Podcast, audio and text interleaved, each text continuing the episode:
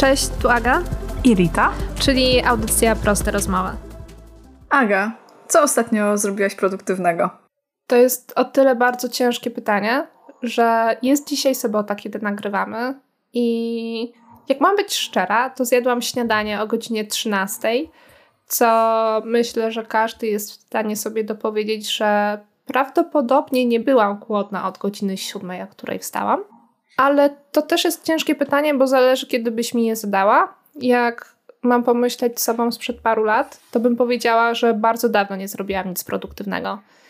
I moje ostatnie dni, poza pracą, którą parę lat temu bym powiedziała, nie, to nie jest nic produktywnego, to jest praca, to jest mój obowiązek, były raczej wypełnione tym, że siedzieliśmy w parku i obserwowaliśmy ludzi i patrzyliśmy się na ptaki. Aczkolwiek nadal uważam teraz, że jest to jakiś sposób produktywne, ale myślę, że rozwinę tą myśl trochę dalej. Ale co ty zrobiłaś? A raczej mam lepsze pytanie, co zrobiłaś nieproduktywnego? Bo tego pytania zazwyczaj się nie zadaje, jak rozmawiamy.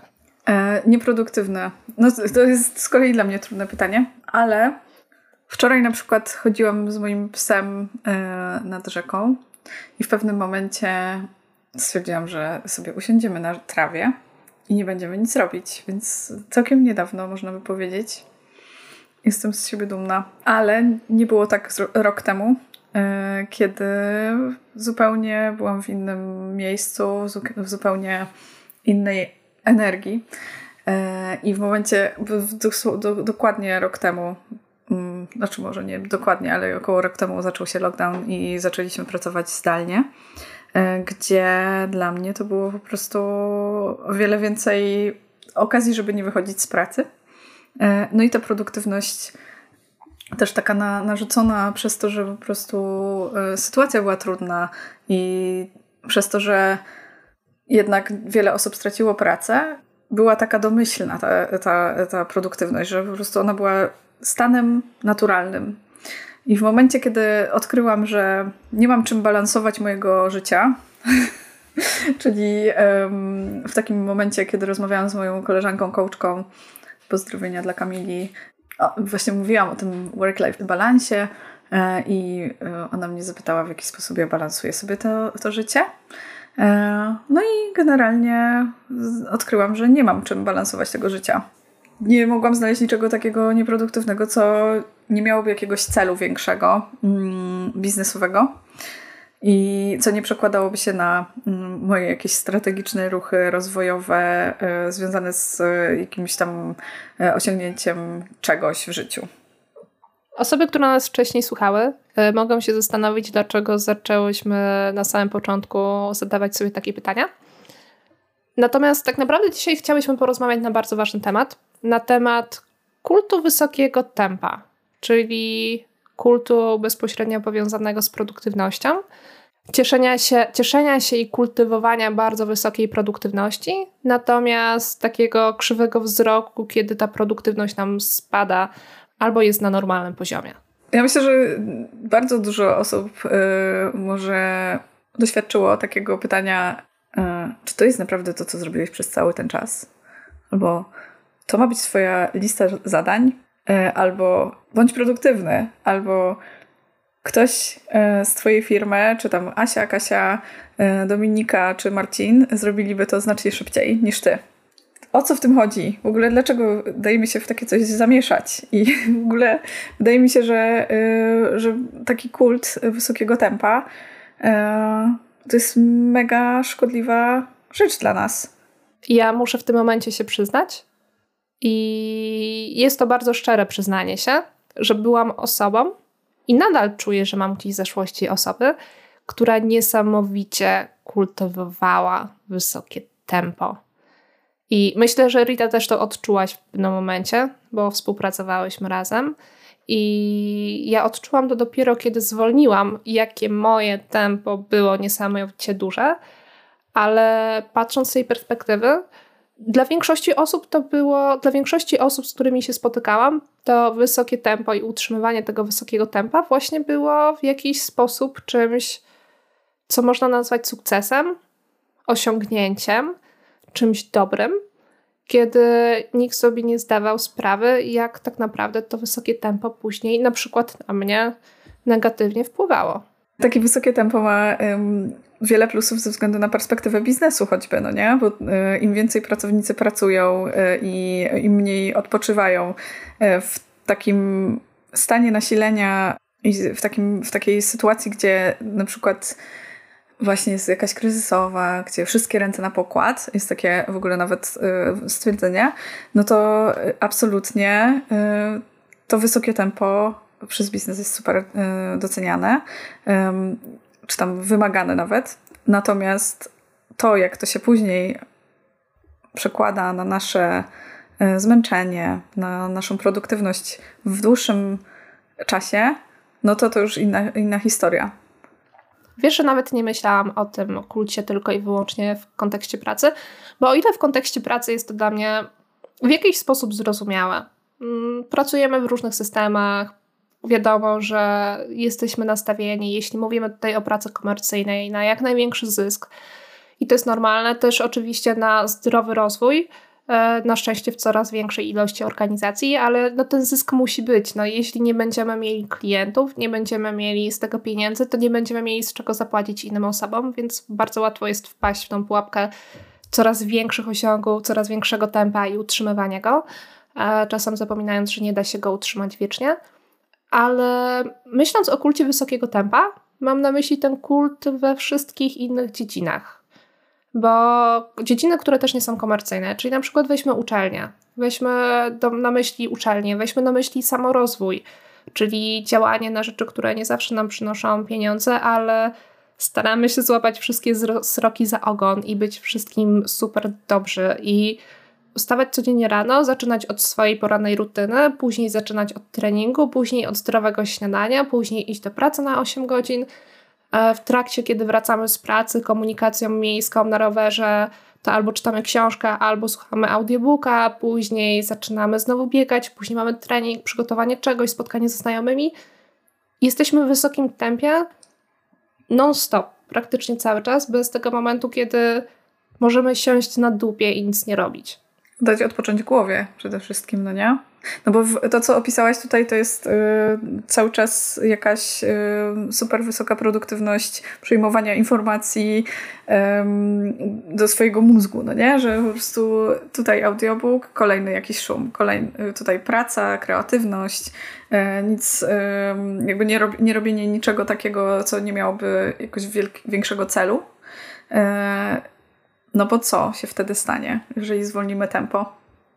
Wyrzuty sumienia okropne wyrzuty sumienia, że przecież wszyscy dookoła, których oglądamy, znajdują czas i są tak energiczni, mają tyle pomysłów, czasu na wszystko, żeby wcisnąć trening, czytanie książek, edukowanie się, nowe kursy, odwalanie wszystkich zadań w pracy na 102 i jeszcze branie być może dodatkowego etatu i jeszcze inne projekty po godzinach i do tego działania w wolontariacie, a później jeszcze wieczorem wsiadają na rower i robią 20 kilometrów, żeby godzinę przed snem zrobić całą serię swoich rytuałów. I przecież oni wydają się tacy szczęśliwi i ułożeni, to z nami coś musi być nie tak. No właśnie zastanawiam się, skąd się bierze e, taka presja na, na szybkie tempo. E, wyrzuty sumienia e, absolutnie wynikają pewnie z tego, jak powiedziałaś tutaj, że mamy otoczenie, które, do którego się porównujemy w jakiś sposób. Może wydaje nam się, że te osoby, które faktycznie robią miliard rzeczy, w ogóle, że, że robią te rzeczy, po pierwsze. Po drugie, dowiadujemy się o takich um, czynnościach i takich rytuałach y, od ludzi raczej przez social media, choćby przez te aplikacje do biegania, czy aplikacje do jeżdżenia na rowerze. Y, jest aplikacja na wszystko, tak naprawdę możemy zobaczyć kto gdzie był y, o której godzinie i jak dużo czasu spędzał, nie wiem, słuchając audiobooka, słuchając podcastu. Jest aplikacja do tego, żeby sprawdzać, ile pije się wody dziennie. Kiedyś z niej korzystałam. E, wspominam to tylko dlatego, żeby pozdrowić Łukasza i Dominika, którzy ze mnie się śmiali i mieliście stuprocentową rację, że ze mnie się śmialiście. Jeszcze myślałam o tym, że ponieważ mamy te social media, no to też patrzymy, mm, patrzymy bardzo często na to, co się tam dzieje u innych ludzi i w momencie, kiedy zauważamy, że ktoś na te social media wrzuca że przebiegł e, nie wiem, 12 kilometrów rano, e, potem poszedł do pracy, potem słucha tutaj, czyta taką książkę, słucha takiego audiobooka, tutaj ma jakieś wnioski z tego audiobooka e, i tak dalej, i tak dalej. Do tego jeszcze pisze posty na Instagramie, na Facebooku, na LinkedInie na ten temat, to sobie myślimy, o kurde, czy ze mną coś jest nie tak, że, że ja nie mam takich takich, takich chęci do tego, albo nie mam siły nawet do tego, żeby po pracy jeszcze coś zrobić. Czy ja nie umiem zarządzać swoim czasem? To, to mam wrażenie, że też bardzo mocno się odbija, bo to jest strasznie dużo zadań. I jeśli ktokolwiek bardzo dużo rzeczy publikował, e, na przykład, i oprócz tego pracował i miał coś innego, każdy ma swoje tempo. I to jest normalne, że dla niektórych na przykład stworzenie jednej treści zajmie 10 minut, dla niektórej 2 godziny. E, nie jest to związane, że jest gorsza albo nie umie zarządzać swoim czasem, tylko po prostu na przykład ma inne predyspozycje albo dopiero czegoś się uczy. Natomiast pojawia się taka panika z tyłu, czy coś ze mną jest nie tak, że wszystkim się udaje, a ja jestem gdzieś w tyle albo nie umiem zarządzać. I to, co mi się wydaje, jak teraz o tym rozmawiamy, że to jeszcze bardziej zaognia ten problem, bo zamiast skupić się na tym, że okej, okay, ja mam inne tempo, to wpadamy w taką pętlę, że coś jest ze mną nie tak, więc muszę poprawić swoją produktywność, więc zacznę jeszcze więcej gdzieś o tym się uczyć i zacznę być próbować jeszcze większym koksem i mieć coraz większy harmonogram i panować nad tym wszystkim, co wcale do końca się nie udaje. Zauważyłam zresztą jakiś czas temu, że miałam bardzo długi epizod w swoim życiu, kiedy próbowałam robić wszystko na tip-top, jak byłam w okresie uczelnianym i bardzo próbowałam planować i bardzo próbowałam nad wszystkim panować. I to było wstawanie o 6-7 rano, pójście w domu gdzieś na krótki trening, zjedzenie szybkiego śniadania albo nawet nie zjedzenie, pojechanie na uczelnię, e, siedzenie na uczelni od 8 do 20, gdzie w międzyczasie jeszcze pracowałam. E, później po powrocie z uczelni zahaczenie na siłownię, żeby jeszcze poćwiczyć. Później znowu do domu, dokształcamy się, robimy jakiś inny projekt, idziemy spać czasem o godzinie 24, pierwszej, drugiej w nocy i powtarzamy ten cykl codziennie przez 5, 6 albo nawet czasem 7 dni w tygodniu. Kiedy jak zwolniło się to tempo, to okazało się, że jestem w stanie mieć o wiele więcej odpoczynku i dzięki temu, że moja produktywność wzrosła w kontekście jakościowym, to znaczy robię mniej rzeczy, ale mam więcej siły, to efekty są takie same. Ja mam takie wrażenie, że to musiała być ogromna zmiana dla ciebie. E, ja pamiętam, jak, jak się spotkałyśmy po raz pierwszy i faktycznie zauważyłam ten twój trochę pracoholizm, nazwijmy to po imieniu. I pamiętam, że zaczęłyśmy na ten temat rozmawiać i e, powiedziałam, Aga, e, gdzie po prostu, kiedy ty odpoczywasz w ogóle? Jak ty sobie radzisz z tym, że, że jest tak e, wiele rzeczy, które robisz? E, I tu już nie, nie, wszystko jest okej, okay, e, nie przejmuj się mną. I tak sobie patrzyłam na to, jak to się dzieje i zastanawiam się, w którym momencie e, zdecydowałaś, że e, trzeba przestać i że fajnie będzie, jeżeli spróbujesz i poeksperymentujesz z dawaniem sobie trochę e, takiego, mm, takiej pauzy?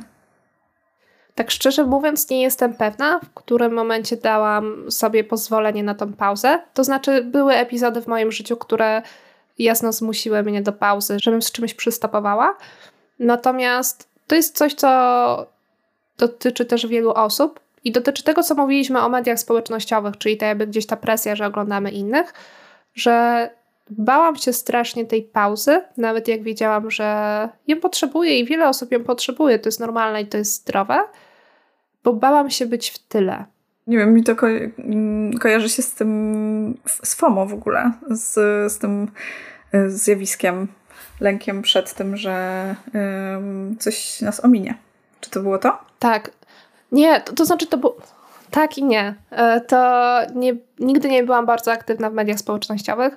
Czuję, że w kontekście tego, co mówisz, rozumiałam, zawsze rozumiałam to trochę inaczej. To znaczy taki strach, że e, możesz mnie poprawić w tym momencie, strach, że boję się, że coś mnie ominie, bo na przykład przestanę być w mediach społecznościowych, przestanę oglądać informacje, przestanę kontaktować się z ludźmi i ominą mnie jakieś ważne informacje.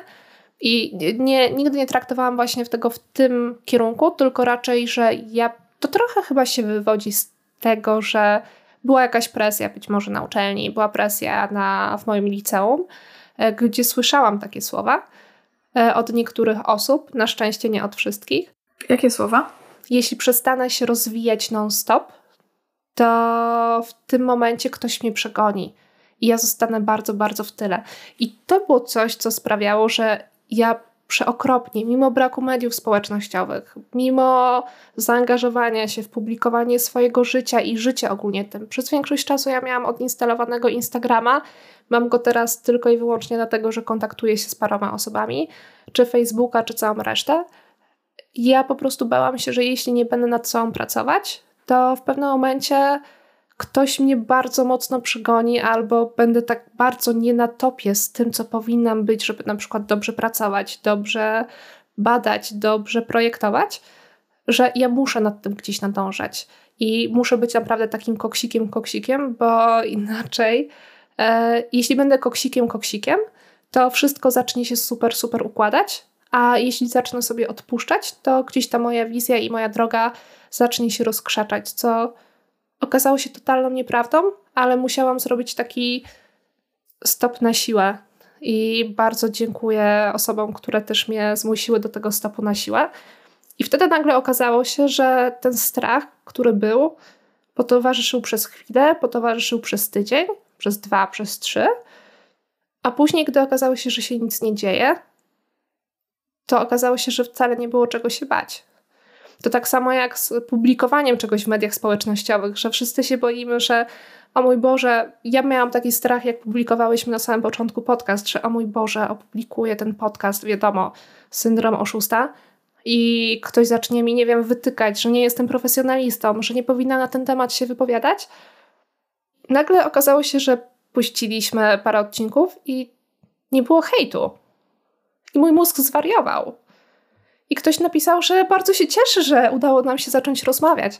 I te wszystkie trole, które gdzieś żyły z tyłu mojej głowy, zaczęły stwierdzać, że no, no kurde, no próbują atakować, ale jest taki duży, wesoły troll, który mówi: Nie, nie tym razem. Tym razem się wam nie uda. Tak samo czuję, że jest z tą presją.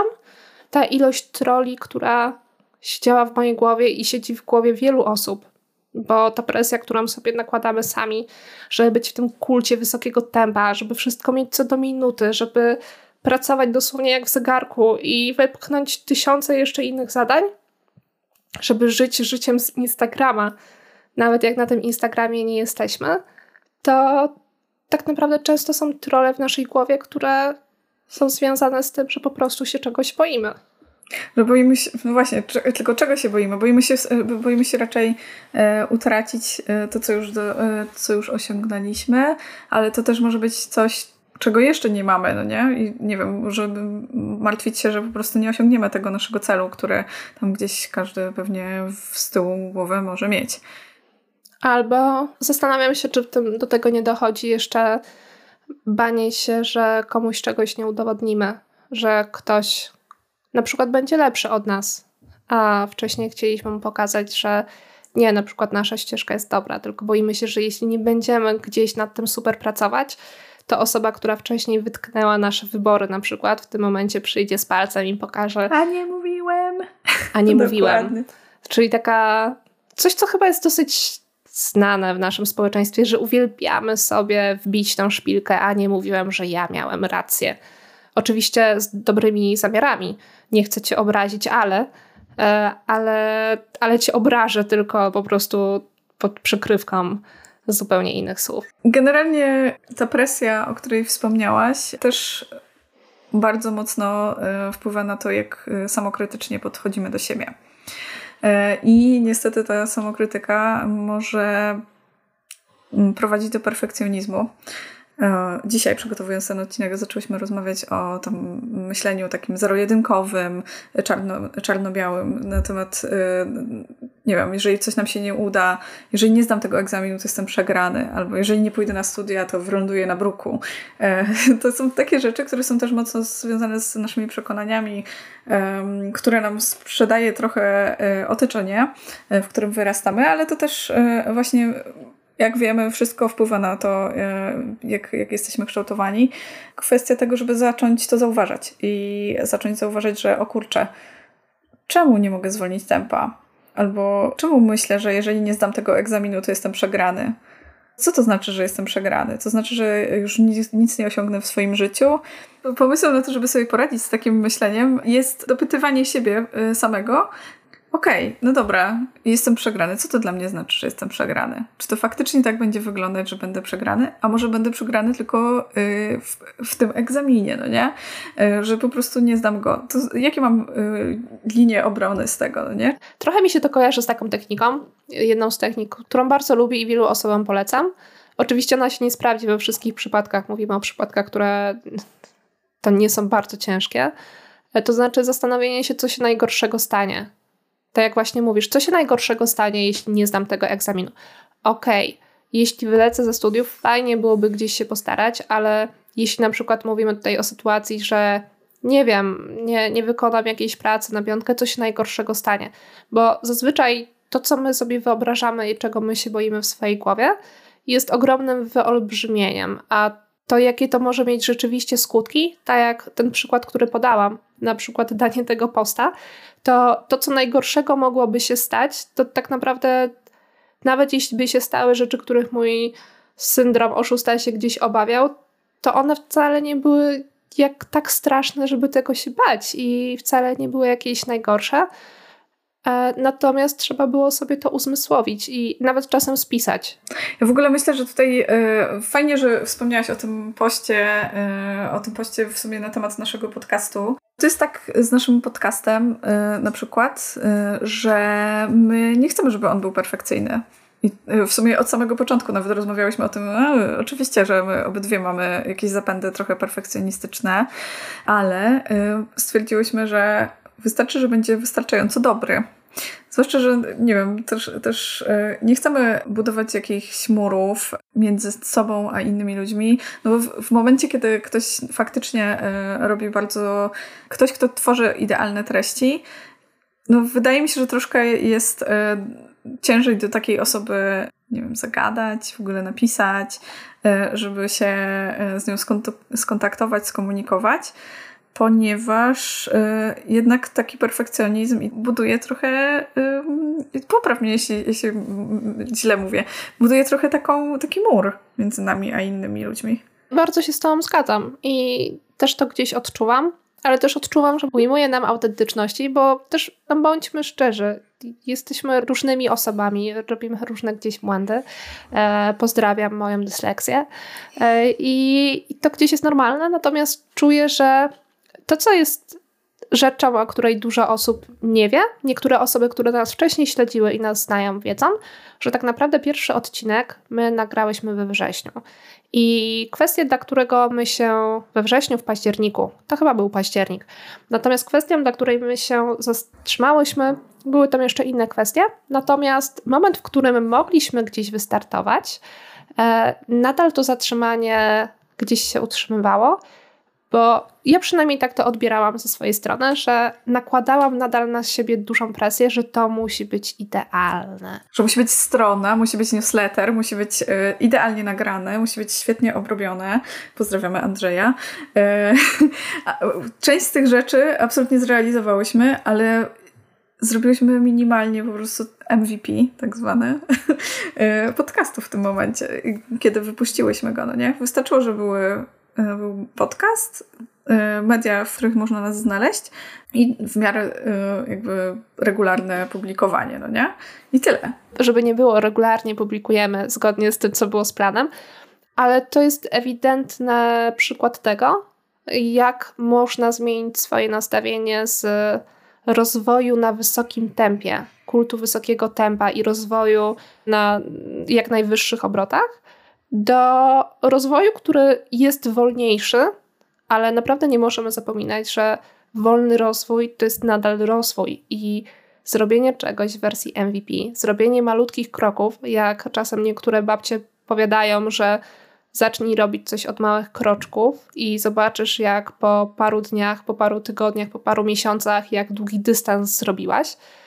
To jest o wiele lepsze od tego niż stanie w miejscu, bo nie mam zarąbistych butów biegowych, więc ja nie mogę biegać. Po prostu zacznij czasem od czegokolwiek w swoim tempie, ale dzięki temu odpuścisz sobie tą presję bycia idealnym, a naprawdę świat ciebie w większości wypadków nie zje. Z tym bieganiem to jest też yy, ciekawa historia, że po prostu jeżeli ktoś chce biegać, to będzie biegał w jeansach, no nie? Nie musi mieć pełnego y, stroju do, do biegania, y, najlepszych butów do biegania, tylko po prostu zacznie biegać. Y, I nie trzeba właśnie podchodzić tak perfekcjonistycznie, czy perf z, pełno, z pełnią perfekcjonizmu e, do tego, żeby po prostu zacząć coś robić.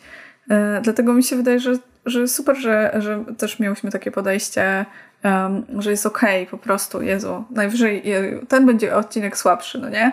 Ale no spokojnie, nie? To nie, nie musi być tak, że wszystkie są nabite e, mięsem i białkiem nawet nie, że mamy takie podejście, co że nauczyłyśmy się tego podejścia. Bo to nie jest tak, że to podejście od samego początku miałyśmy.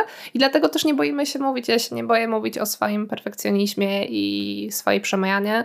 Tak samo ty, Rita, też nie boisz się mówić tego głośno, bo ta przemiana, wyjście z tego kultu wysokiego tempa, wyjście z tego kultu produktywności, w której My w żadnym wypadku nie namawiamy teraz, żeby odrzucić wszystko, rzucić pracę i stwierdzić, ja powinienem leżeć i patrzeć się w ścianę i tylko odpoczywać w momencie, kiedy nie mamy za to zapłacić czynszu, bo to nie jest takie namawianie. Też nie namawiamy do robienia maratonu 40 km w jeansach, bo jednak trzeba pomyśleć o konsekwencjach i są etapy, w których faktycznie musimy jednak się bardziej gdzieś dokształcić, bardziej postarać i nie możemy robić czegoś na wersji naprawdę minimalnej. E, jednak wyjście z tego kultu, który bardzo mocno panuje i w większości branż, zwłaszcza w branżach kreatywnych, w branżach, które wymagają dużego myślenia, jest non-stop kultywowany i non-stop wszyscy się tylko wymieniają wiedzą, co jest super, bo to jest inspirujące, możemy naprawdę powiedzieć, co myślimy. Też jakby na to nie patrzeć, dla niektórych osób to, że nagrywamy podcast, który no, nagrywamy nieraz w weekendy, może się wydawać właśnie takim gdzieś namiastką kultu produktywności, dlatego że robimy po prostu dodatkowy projekt po godzinach, to jednak fajnie, że to się dzieje, ale wyjście z tego przekonania, w którym my musimy to wprowadzać na tip-top do swojego życia, bo inaczej coś nam umknie, inaczej będziemy gorsi, jest naprawdę procesem. I to jest proces, który jest ciężki. To jest proces, z którym nieraz się gdzieś bijemy. Ja nadal się strasznie biję z tym, że jeśli kończę pracę, idę do parku, żeby pooddychać jakimkolwiek powietrzem, które nie jest powietrzem z mieszkania albo z biura. I nadal mam tą bitwę w swojej głowie. Czy zabiorę ze sobą książkę, która jest zwykłą powieścią, która mówi dosłownie o niczym, czy zabiorę ze sobą książkę, która jest o projektowaniu, układaniu jakichś informacji. I są te dwa trole w mojej głowie, jeden produktywności, drugi odpoczynku, które mówią wprost, że nie, weź mnie, weź tą książkę. I to nie jest coś, co przychodzi mi łatwo. I są te dwa głosy w mojej głowie, które no, w jakiś sposób trochę biją się o to, czy powinnam w tym momencie odpocząć na 100%, czy powinnam niby odpocząć, bo będę w parku, ale nadal przyswajać bardzo dużą ilość informacji o czymś, co jest moim zawodem i tak naprawdę wcale nie sprawia, że mam na przykład detoks od informacji, albo się wyciszę, albo popatrzę po prostu na drzewo, tylko nadal jest dużą produktywnością. Jednak to jest sztuka, żeby całe życie, i będziemy wszyscy całe życie tego się uczyć, czyli uczyć odpoczywać i odpuszczać sobie presję. No, ja muszę przyznać, że dla mnie też było super trudne, żeby y, myśleć e, w taki sposób, jaki mówisz, że po prostu dawać sobie wybór y, też y, między czymś, co nie musi być konkretnie produktywne i w ogóle znaleźć jakieś rzeczy, które mogłabym robić, które nie są produktywne, które nie, w, nie wrzucają mi do ognia tego, tej produktywności, tego rozwoju. Mam taką cechę, że e, wszystko, co robię, już po prostu, jeżeli nie powstrzymam moich myśli, no to wszystko, co robię, może być przełożone na jakieś strategiczne ruchy, czy to moje biznesowe, czy, czy jeść. I jest to super trudne, żeby to zatrzymać. Dla mnie było po prostu wielkim przełomem, wielkim przełomem to, żeby się dowiedzieć, y, że o kurde, ja nie mam czym balansować swojego, y, swojego życia takiego pracowego i nie mam takiej przestrzeni na to, żeby przestać o tym myśleć. I wtedy zapisałam się na ceramikę, na zajęcia z ceramiki i to jest tak fantastyczne, że to jest półtorej godziny w trakcie tygodnia E, a ja w tym czasie myślę tylko i wyłącznie o tym, e, o tej glinie, e, o tym, co ja produkuję w jakiś sposób. Najlepsze jest to, że zanim pójdę na takie zajęcia, zawsze się zastanawiam, co ja chcę zrobić podczas tych zajęć, żeby po prostu nie chodzić tak jak ostatnio, nie miałam czasu na myślenie o tym, żeby nie chodzić po prostu po tej pracowni i nie myśleć sobie, o Boże, co mam zrobić, co ja teraz mam zrobić. nie wiem, co zrobić, no nie? Bo jest tak strasznie duży wybór. Y, właściwie w, w miejscu, gdzie masz wszystkie narzędzia i y, w miejscu, gdzie masz wszystkie, nie wiem, rodzaje glin, szkliwień i, i wszystkiego, jesteś y, w stanie tylko zrealizować jeden projekt w ciągu tej jednej godziny, czy, czy półtorej godziny, no nie? Więc y, trzeba sobie tak na maksa zawężyć, więc musisz sobie, musisz się skupić y, na tym, co nie jest w 100% produktywne i co nie będzie pewnie jakimś wielkim kamieniem milowym w twojej karierze. Ale to jest mega, mega mm, takie wynagradzające i, i myślę, że bardzo dużo mi to daje. Tak, super, że o tym wspomniałaś, bo nie pamiętam, kto to mówił. Tak, słuchałam to oglądając na YouTubie coś o produktywności. Tak jak ty powiedziałaś, że gdzieś dało ci do myślenia to zastanowienie się, że czy ja mam czymś, czy ja mam coś, czym mogę balansować wszystkie swoje zachowania związane z produktywnością, tak mi dał do myślenia podział na cztery strefy swojego życia, które w bardzo podobnym stopniu powinniśmy gospodarować. I to był podział na strefę związaną z relacjami, relacjami, nie mówię tutaj tylko o bliskich relacjach, ale też po prostu relacjami z innymi ludźmi. Drugi, czyli na swoje zdrowie fizyczne, trzeci na swoje zdrowie mentalne i czwarty na rzeczy, które są związane z pracą, jakimś takim wysiłkiem, który po prostu jest pracą, niezależnie czy mówimy tutaj o pracy komercyjnej, czy pracy jakiejkolwiek innej. I ja w tym momencie też dostałam takiego olśnienia, jak bardzo duży procent w moim wypadku daje na jeden z tych fragmentów albo na dwa, natomiast inne fragmenty dostają naprawdę taki ochłapy. malusieńki, malusieńki ochłapy, ten kawałeczek tortu, kiedy tak naprawdę, kiedy myśląc o tym, jak chcę gospodarować swój czas, powinnam próbować przynajmniej proporcjonalnie dawać każdym z nich tak samo dużą wartość, bo każdy z nich jest tak samo ważny dla mojego życia i dla mojego zdrowia. To, co, o czym mówisz, to jest prawdopodobnie koło życia, y, którego się używa y, w terapii, ale też w coachingu. Y, I powiem, pocieszę cię trochę, bo w zależności od tego, kto na jakim jest etapie w swoim życiu, y, no to takie są y, te proporcje. Y, te proporcje mogą się zmieniać, mogą się różnić. One same, te, same te obszary są bardzo pojemne i jeśli jesteście ciekawi żeby poczytać coś na ten temat, no to tutaj wrzucimy na pewno mm, parę słów na temat koła, koła życia. Ja poczytam. No, ale y, naprawdę, wiesz, to, to nie jest znowu tak, y, znowu nie, nie, nie, warto przesadzać w drugą stronę, no nie? Żeby to musi być y, równo po ćwiartce, no nie? To znaczy nawet nie, nie myślałam o tym, nie myślałam o kwestii posiadania porówno po ćwiartce, tylko o sytuacji, w której bardzo, ale to bardzo, e, na przykład w pewnym momencie swojego życia zaniedbałam jedną z tych ćwiartek, że ona w jakiś sposób przestała prawie istnieć, bo dawała mi dosłownie ochłap, myśląc tak naprawdę, że wszystkie moje działania, które były nakierowane na inną ćwiartkę, też niby powinny o nią zahaczać i na pewno na nią dobrze wpłyną, co co mijało się z prawdą, bo nadal, jeśli chcę dobrze wpłynąć na tą ćwiartkę, to muszę jej poświęcić czas, a nie liczyć, że jakimś cudem, zajmując się na przykład swoją pracą i ustalając swój harmonogram od A do Z, to wpłynie na dobrze na moje zdrowie fizyczne, albo zdrowie mentalne, albo relacje, kiedy ja tych relacji na przykład zaniedbywałam. Ale czy y, faktycznie tak nie jest, że, y, że niektóre z tych y, obszarów mogą jednak wpływać? Bo jeżeli popatrz, mamy y, spokojną sytuację w pracy i ta praca jest jakby dużo, sporą częścią naszego życia, czy chcemy tego, czy nie, y, ale jeżeli mamy spokojną sytuację, no to też y, wpływa to na nasze samopoczucie, na nasze zdrowie psychiczne, na nasze relacje też. Więc ja bym się tutaj tak właśnie to, to, to jest do eksplorowania, tak. Y, Il... Ale teraz mówisz o jakości.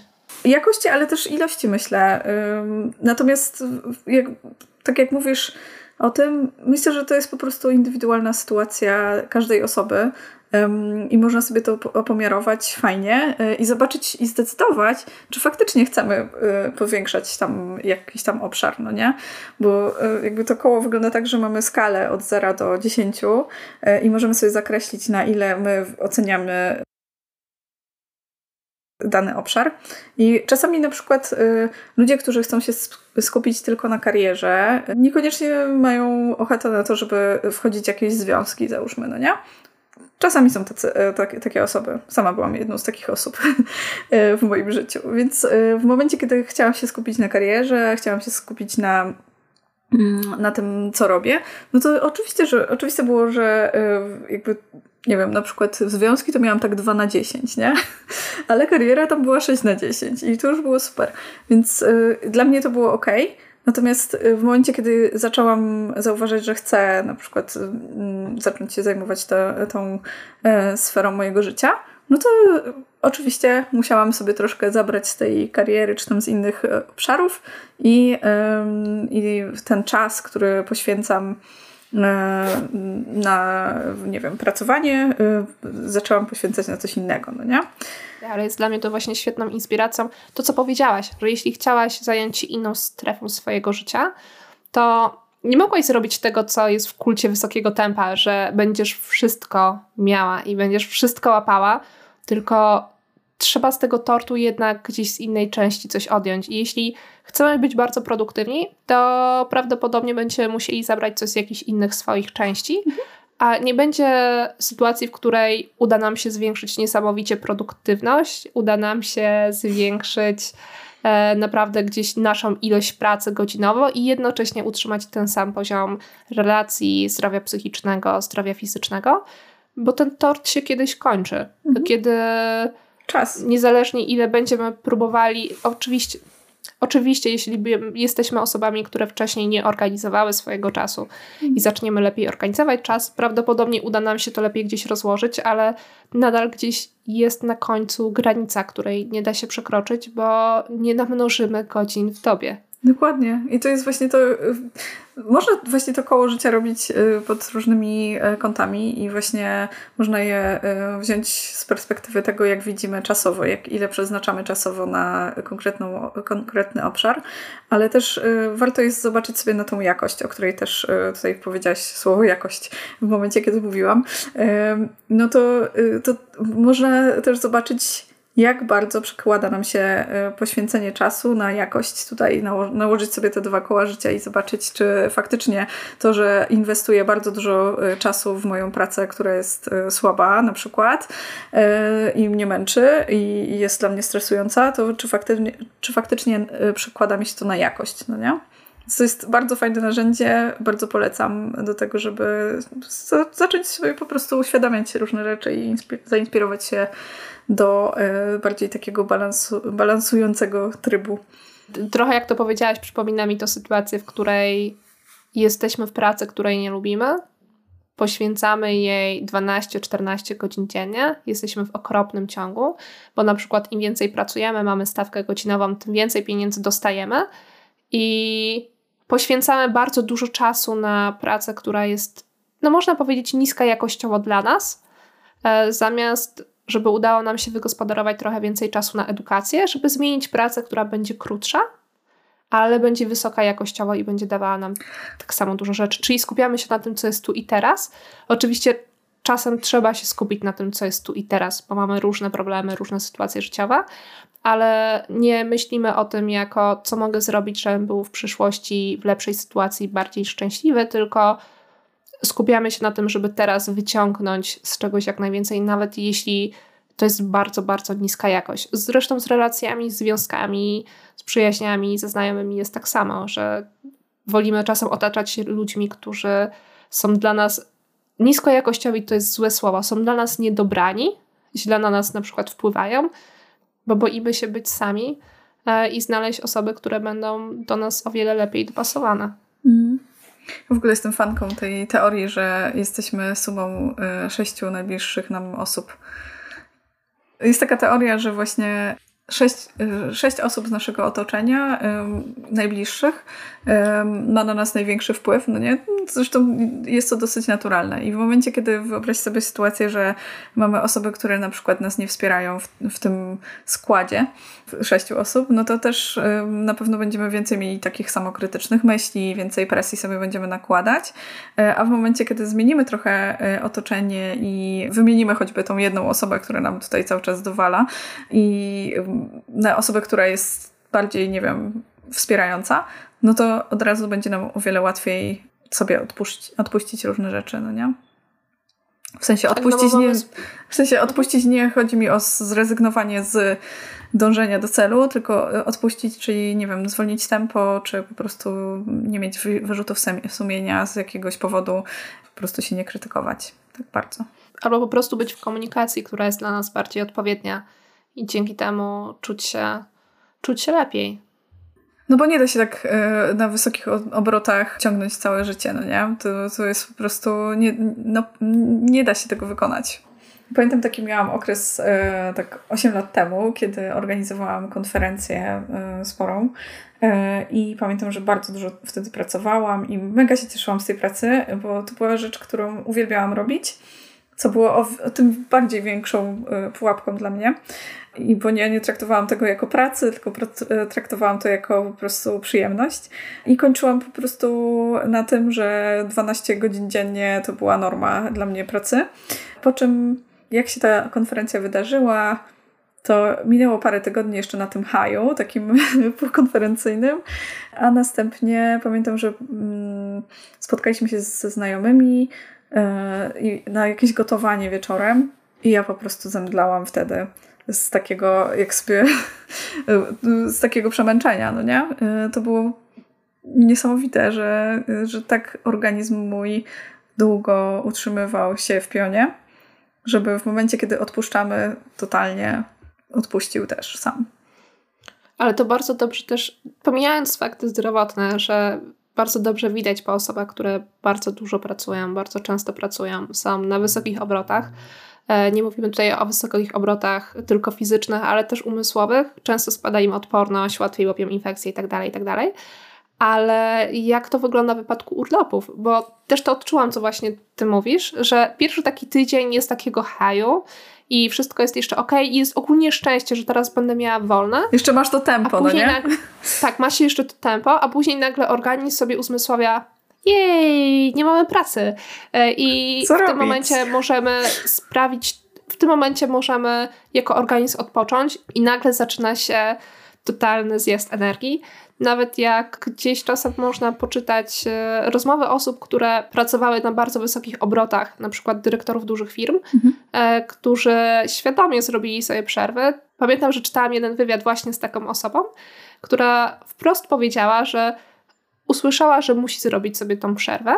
E, powiedziała, że nie, spokojnie, wystarczy mi miesiąc, a później okazało się, że po takich dwóch tygodniach, gdy do jego organizmu dotarło, że on hmm. robi sobie przerwę, przez trzy prawie miesiące odsypiał po 16 godzin w ciągu doby. Tak. Bo jego organizm był tak zmęczony, tylko tego nie da się wyczuć, dopóki nie odpuści się sobie presji i nie da się sobie zielonego światła, że dobra, ja mogę zwolnić i wtedy nagle wszystko zaczyna puszczać. Dopóki w tym jesteś, to nie jesteś w stanie tego zobaczyć, no nie? Bo cały czas jesteś w tej, w tej bańce, no nie? I y, musisz, y, musisz ją opuścić, żeby zobaczyć się z perspektywy jakiejś. Albo ci ktoś to mówi z zewnątrz, który, właśnie, że musisz wziąć sobie urlop i hej, y, trochę za dużo pracujesz, tak jak y, na przykład my y, miałyśmy tutaj takie zapędy, że jak ja się zobaczyłam w, tej, twojej, w tym twoim pędzie takim, to od razu ci to powiedziałam, bo wiem, że y, to nie jest tak, że jedna osoba nam to powie i już od razu y, pójdziemy i zaczniemy to robić i realizować ten cel, tylko po prostu y, czasem trzeba usłyszeć to od kilku osób, żeby to do nas dotarło w ogóle. Czasem trzeba zrobić to podstępem. No. E, więc, więc tak to wygląda i no, to jest ciężkie, a wszystko sprowadza się do tego, żeby dbać o siebie i myśleć o sobie na pierwszym miejscu, traktować siebie jako najważniejszą osobę w swoim własnym życiu.